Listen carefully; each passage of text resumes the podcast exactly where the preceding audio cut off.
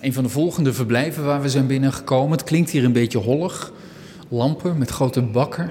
Overal zitten vooral vogels hier binnen. Hè? Hoeveel hebben jullie totaal in de opvang zitten, denk je? Ik denk dat we op dit moment 120 dieren uh, binnen hebben zitten, inclusief de egels. Uh, en dat is echt nog heel weinig. We zitten nog aan de, aan de vooravond eigenlijk van het hoogseizoen. Dus uh, het gaat nog veel en veel meer worden.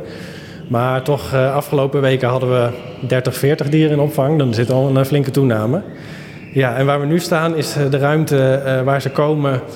in eerste instantie komen ze in een soort ja, intensive care verblijf noemen we dat. Heel klein, waar uh, ze worden niet gestimuleerd om te bewegen. Ze moeten juist stilzitten. Een beetje vergelijken met het ziekenhuisbed. Stilzitten, medicatie krijgen en vooral snel beter worden. Ja. Nou, als dat gebeurd is, dan komen ze vervolgens hier terecht, waar we nu staan. Dat is de, de medium care.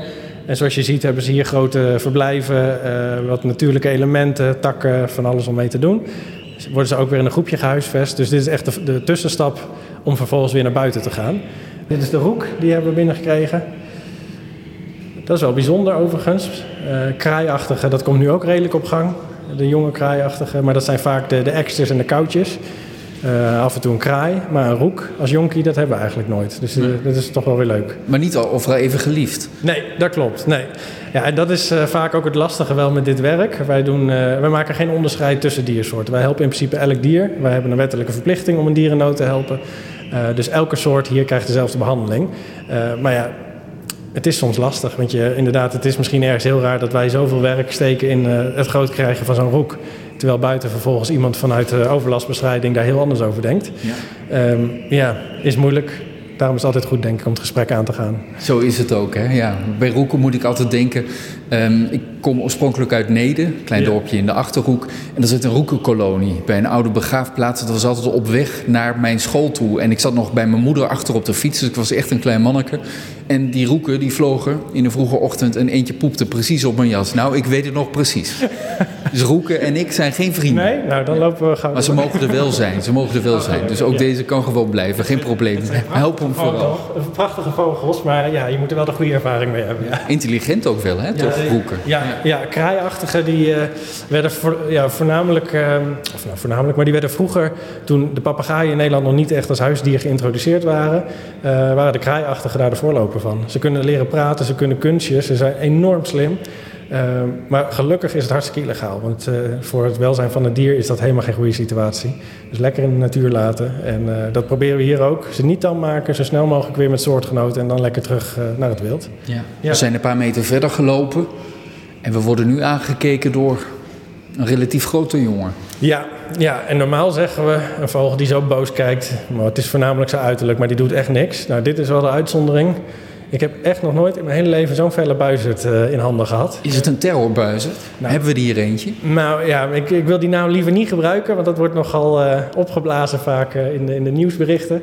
Ja. maar ik zeg, ik heb nog nooit zo'n felle buizerd in handen gehad. Deze heb ik letterlijk al meerdere keren echt in handen gehad.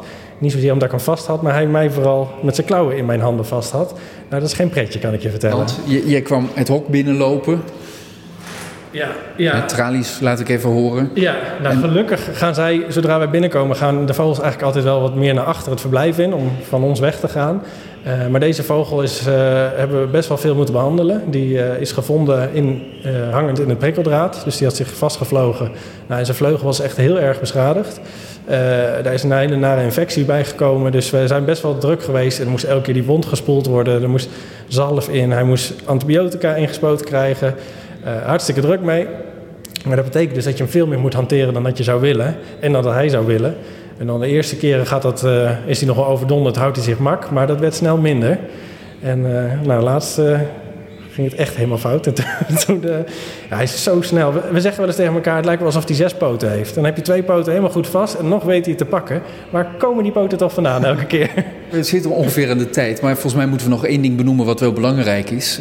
vrijwilligers, want dat heeft deze, deze tent denigerend gezegd ook nodig. Ja, ja, wat we nu zien is dat uh, uh, we echt wel ja, mensen nodig hebben die hier meerdere dagen in de, in de week kunnen werken. Veel mensen wilden graag hier meehelpen en hadden zoiets, ik kom uh, nou, eens in de twee weken vier uurtjes helpen. Daar zijn we ook hartstikke blij mee. Maar we zijn nu met name op zoek naar mensen die dus echt veel structureel kunnen helpen. Omdat we daar even wat... Ja, een goede start mee kunnen maken qua inwerken. Uh, de kennis wordt gelijk goed opgebouwd, uh, veel ervaring op, in korte tijd.